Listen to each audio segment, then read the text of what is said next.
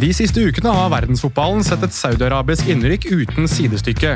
I hopetall har flere av verdens største profiler, deriblant Cristiano Ronaldo og Karim Benzema, tatt turen til Midtøsten. Det hele virker å være del av et stort nasjonalt prosjekt som vi siden har blitt litt bedre kjent med. Men hva er dette prosjektet, og hvorfor skjer det? Det skal vi forklare nå.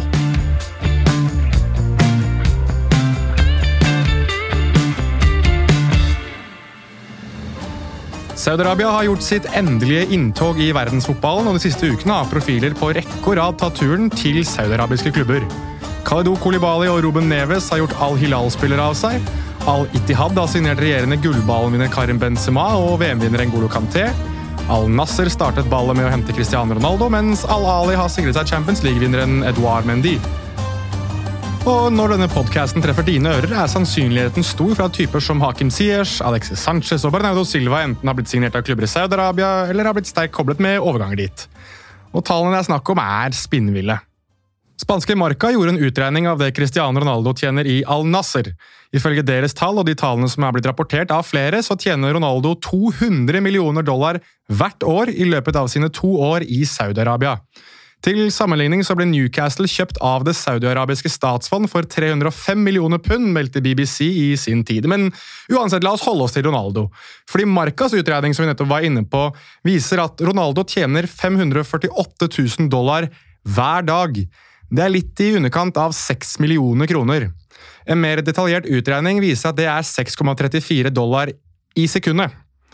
Eller 68 kroner hvert eneste sekund og det er til slutt skrekkelig, skrekkelig mye penger. Dette er ifølge HTIC Sevens rundt det samme som Karim Benzema tjener i Al-Ittihad, og er dobbelt så mye som noen fotballspiller noensinne er blitt betalt av sin klubb i Europa. Samme kilde hevder at det er mer enn det årlige budsjettet til syv av 20 klubber i Premier League. Det er tall man rett og slett ikke har sett maken til i fotballen noensinne. Og det snakkes om at Lionel Messi, som avviste Al-Hilal til fordel for Inter Miami, ble tilbudt enda mer. Men hvorfor har dette skjedd? Hva er denne plutselige interessen fra Saudi-Arabia i fotball? Selv om denne historien nok er enda lenger enn de minuttene vi skal vide den i dag, så kan vi jo forsøke å sette dette litt i kontekst. Og dermed er datoen 5. juni 2023. Denne datoen slipper den saudiarabiske staten ved kronprins Mohammed bin Salman, nasjonens de facto-leder, en pressemelding som får voldsomme ringvirkninger. Og den starter med følgende. Hans kongelige høyhet prins Mohammed bin Salman bin Abdulaziz al Saud, kronprins og statsminister, annonserte lanseringen av et fryktløst investerings- og privatiseringsprosjekt, etter at man har maktet å implementere ledd av første del. Prosjektet passer inn med de ambisiøse målene for saudiarabisk sport innen Vision 2030, der man uthever utviklingen av en effektiv sportssektor ved å oppfordre og iverksette den private sektor til å bidra til industriens vekst. For mer om både Vision 2030 eller 2030, alt ettersom hvordan du vil være norsk eller engelsk, Mohammed bin Salman og Det saudiarabiske statsfond, så anbefaler jeg at dere hører episoden om sportsvasking som vi la ut for noen uker siden her i Fotballforklart. Men det er likevel koblet opp mot veldig mye av det vi skal igjennom nå. Fordi like etter denne pressemeldingen så fulgte PIF, som står for Public Investment Fund og er Saudi-Arabias statsfond, opp med en pressemelding der de bekreftet at Al-Hilal, Al-Nasser, Al-Itihad og Al-Ali, altså alle de klubbene vi nevnte innledningsvis, var gjort om til rene selskap, der majoritetseieren med 75% i hver klubb nå var PIF. Altså, Fire av de største klubbene fra de to største byene, som er Jeddah og Riyadh, var nå eid av den saudiarabiske staten. Og Her er det verdt å ta med at flere av disse klubbene kanskje alt følte at de sto litt i gjeld til bin Salman, fordi i 2018 led nemlig flere av de store økonomiske utfordringer, før bin Salman slettet samtlige klubbers gjeld. Dette skal ha ifølge Arab News vært en gjeld på rundt 340 millioner dollar totalt. Som takk ble den saudiarabiske ligaen oppkalt etter kronprinsen fram til 2021-2022-sesongen. Og liksom, bare før vi går videre, Det saudiarabiske statsfondet er ifølge Arab News det femte rikeste statsfondet i verden, og skal være verdt 620 milliarder dollar. Eller 6,6 billioner kroner. Interessant nok for øvrig så er det Norges statsfond som anses som det rikeste i verden, og er over dobbelt så rikt som Saudi-Arabias, ifølge samme kilde. Likevel, altså dette her er rikdom på nivå ingen fotballklubb i verden er i nærheten av å kunne matche. Og I tillegg, klubbene Al-Ola, Al-Qadisia og Al-Dria vil også støttes finansielt av statseide selskap som f.eks. Aramco, den saudiarabiske oljegiganten, melder Sports Pro Media. Men La oss nå gå tilbake til denne pressemeldingen som kanskje er ja, skal vi kalle roten til alt dette. Fordi I den pressemeldingen så står det nemlig at 80% av den saudiarabiske befolkning identifiserer seg enten som fotballspillende, fotballfølgende eller som aktiv tilhenger av fotballen. Derfor satser staten nå på å bygge en liga som er blant topp ti i verden. Og Per juni 2023 så ligger Saudi-Arabias toppdivisjon som nummer 58 ifølge en undersøkelse gjort av 21st Group, som senere er blitt publisert av The Athletic. Dette understreker at de har ganske lang vei å gå før de oppnår det målet om å være en av de ligaene som deres egen befolkning heller vil følge, istedenfor ligaer utenfor Saudi-Arabias grenser. Men la oss nå ta noen øyeblikk og tenke innenfor Saudi-Arabias grenser. For slik nevnt i episoden om sportsvasking, så virker dette prosjektet å være i henhold til Mohammed bin Salmans statsvisjon for Saudi-Arabia. Vision 2030, nå tar jeg det på engelsk, låner nemlig elementer fra lignende statsvisjoner fra både Qatar og De forente arabiske emirater, og handler både om å diversifisere inntektene i nasjonen, som tradisjonelt sett har tjent på olje og gass, iverksette større sportslig aktivitet internt i landet, og gjøre nasjonen mer appellerende både investeringsmessig og fra et underholdningsstandpunkt. Dette er da de uttalte målene. Det store spørsmålet er om det finnes andre mål, som man kanskje ikke snakker like høyt om. Når man nevner Saudi-Arabia for mannen i gata, så vil nok de aller fleste fremdeles tenke på drapet av journalisten Jamal Khashoggi, ekstremt begrensede rettigheter for kvinner, kriminalisering av homofili og knallharde straffer for kritikk av regimet. Man vil nok også tenke på at nasjonen er et autokrati, styrt av Mohammed bin Salman, som regelrett tok makta i nasjonen, og som har ledet en invasjon mot naboen Jemen. Men kan dette endre seg ved at profiler som Cristiano Ronaldo og Karim Benzema spiller for toppklubber i nasjonen? Mens Lionel Messi, som takket nei til å spille i Saudi-Arabia, likevel har en lukrativ avtale med nasjonen rundt å fremme den som turistattraksjon? I et intervju med NRK fortalte Charlotte Lysa, Midtøsten-forsker ved UiO, at man kanskje finner roten til noe av grunnlaget for Saudis inntog i fotballen i et ønske om å heve eget selvbilde. Det er klart at Myndighetene har en forventning til at Ronaldo og andre profiler sin tilknytning til den saudiske ligaen skal reflektere positivt på Saudi-Arabia og saudisk fotball, både indirekte gjennom å spille i landet og direkte gjennom uttalelsene, sa Lysa. Og det er tydelig at man også ser prov på at det siste der blir litt iverksatt nå. Førstemann til å ta turen til Saudi-Arabia var jo nemlig Cristiano Ronaldo, da han signerte for Al Nasser etter at han og Manchester United drev i stykker sin avtale like før VM ble sparket i gang sent i 2022.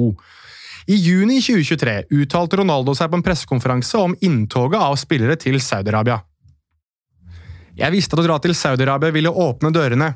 Jeg er ikke dum, jeg er sikker på at om to-tre år vil dette være en av de viktigste ligaene i verden. Karim Benzema har dratt dit, og det kommer til å komme mange flere, sa Ronaldo.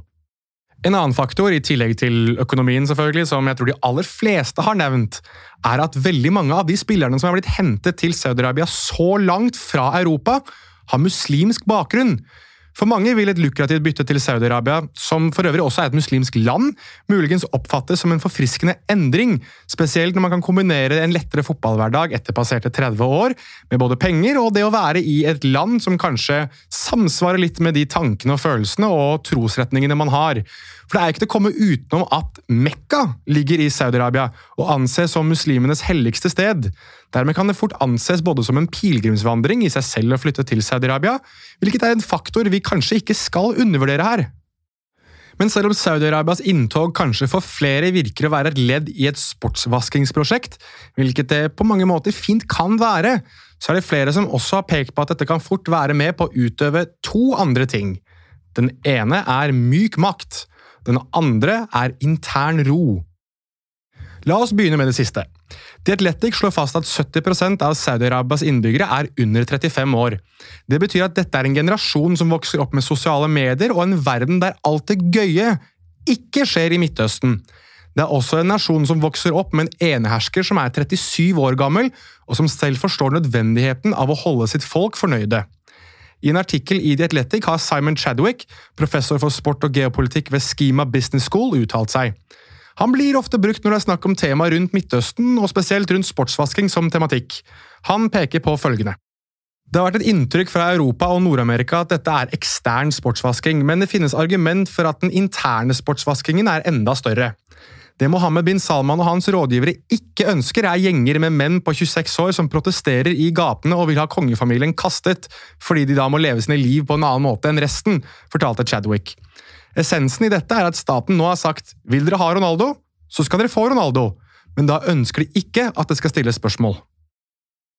Sky Sports peker på rapporter fra Amnesty International og Human Rights Watch som helt klart mener at dette er ledd i å gjemme nasjonens skyggeside. Samtidig er tilskuertallet opp med hele 143% på hjemmekampene til Al Nasser siden Cristiano Ronaldos ankomst til klubben. I tillegg har billettprisene gått opp fra 10 saudiske rial, hvilket er rundt 30 kroner, til 150 saudiske rial, i underkant av 450 kroner for en billett til disse kampene. Dermed viser at interessen for fotball i Saudi-Arabia er mildt sagt voksende. Og det er kanskje her det saudiske prosjektet skiller seg fra veldig mange andre. For noen har jo sammenlignet det med Kinas statsprosjekt, husker dere dem? De som plutselig investerte masse penger i masse spillere og skulle skape verdens største liga, og så falt det sammen. Dette er for øvrig digresjon til side, men det er mange som har ønsket en episode om dette i Fotball forklart, så kanskje vi skal tilbake til dem på et eller annet tidspunkt. Men, men uansett, digresjon til side. Forskjellen på de da, og Saudi-Arabia er at Saudi-Arabia har hatt en plass i fotballen i ganske mange år. De har f.eks. deltatt i seks av de siste VM-ene, og under VM i 2022 var de den eneste nasjonen som slo Argentina, som dere vet senere ble verdensmester i det mesterskapet. Klubben Al-Hilal er den som har vunnet flest asiatiske Champions League-titler med sine fire. Og i tillegg tillegg, bare sånn for å ha tatt det litt i kontekst her nå, og gått litt tilbake i historien Dette er jo ikke første gangen verdensstjerner har signert for klubber i Saudi-Arabia. Allerede i 1978 signerte den brasilianske verdensstjernen Rivelino for Al-Hilal og ble ansett som en pioner for fotballen i Midtøsten. Og Dermed har Saudi-Arabia kanskje hatt en større fotballtradisjon enn f.eks. Kina, som vi nettopp nevnte, men også nabolandene Qatar og De forente arabiske emirater, som senere har blitt kjent for sine inntog i fotballen. Men det er kanskje her del to kommer mer synlig fram i det som fort kan være konsekvensen av all denne investeringen. Myk makt. Og hva er egentlig myk makt? I en artikkel i Aftenposten henviser de til begrepets oppfinner, Joseph Nye, og påpeker at citat, det innebærer diplomati og verdier som andre ønsker å etterligne. De vil ha det du har. For, for å kutte litt igjennom, altså, Dersom Saudi-Arabia eier den mest suksessfulle klubben i verden La oss nå bare si at Newcastle på sikt blir det da, og vinner Champions League-tittel på Champions League-tittel. Og flere av de beste spillerne i verden velger å spille i Saudi-Arabia. Samt at de etter hvert kanskje arrangerer fotball-VM. Altså, kom igjen, det er ganske åpenbart at med alt det i fotballen, i verdens største sport, så har du en slags makt over andre, eller? I programmet Middle East Matters hos France 24 stilte de spørsmålene rundt hvor mye myk makt har å si for investeringene til Saudi-Arabia. Og Der ble man jo påminnet at det er ikke bare i verdensfotballen at Saudi-Arabia har satt en støkk. Vi må huske etableringen av Liv Golf, som på mange måter har lyktes, etter at Liv Golf, som ble sett på som den rebelske utfordreren, klarte å slå seg sammen med PGA Tour, som da er vel det mest prestisjetunge i golf. Dette er jo ikke golf forklart, det er fotball forklart, men Uansett, de aller fleste har hørt om PJ Tour. Ikke så mange hadde hørt om Live Golf inntil for ja, par år siden uansett. Det interessante da, med sammenslåingen av Live Golf og PGA Tour er at det nye overhodet for denne samlede touren er en mann med navn Yasir al-Romayan, lederen for Aramco, den som var sjef for Live Golf, styreformann i Newcastle, og en herremann som anses som en av de nærmeste støttespillerne til Mohammed bin Salman. Sky Sports uthevet også at ved å investere i fotball, så kjøper du deg innflytelse og prestisje på verdensbasis, og du kan utøve myk makt. Og En annen ting for øvrig som jeg kommer på nå, som kanskje skiller Saudi-Arabia fra f.eks. Kina og deres feilede forsøk, er at Saudi-Arabia har jo sittet og sett på sine naboer i Qatar og Emiratene prøve å feile eller kanskje ikke feile så mye, for de har vært ganske suksessfulle, men de har jo iverksatt noe av dette som ledd i sin plan for 2030. Og Det som virker verdt å tro, er at det endelige målet for Saudi-Arabia er at nasjonen anses både internt og eksternt som en destinasjon for fotball, være seg internasjonale superstjerner som er på jakt etter en storklubb, eller som destinasjon for store mesterskap. For noe man har hørt snakk om lenge før PIF sin investering i fotballen, er at Saudi-Arabia ønsker å avholde fotball-VM, selv om det nylig ble rapportert, dog uten bekreftelse, at de trekker sitt kandidatur for VM i 2030 sammen med Egypt og Hellas, er det kanskje grunn til å tro at neste ledd i deres plan er å stå klare i 2034, da med en liga som er innen topp ti i verden. Og Innen den tid vil vi også fort ha svaret på spørsmålet verden nå stiller seg. Har Saudi-Arabia kommet for å bli i fotballen? Av det lille man har rukket å se, så er det i hvert fall vanskelig å argumentere mot at svaret er noe annet enn ja. Dette var det for Fotball forklart for denne gang. Husk at vi er på sosiale medier at fotballforklart på Instagram og Twitter. Der kan du gjerne sende inn tema du ønsker å høre om, eller rett og slett komme med tilbakemelding, enten positivt eller negativt. Det bestemmer du helt selv. Og som alltid, øvrige kilder i tillegg til de du har hørt i podkasten, er Marka, The Athletic, den offisielle saudiske pressekanal, PIF, BBC, Sports Pro Media, TIFA Football, HITC7, Amnesty International, Sky Sports, NRK, France 24, Arab News og The Guardian. I tillegg rettes også en stor takk til Mina Finstad Berg. Takk for at du lyttet.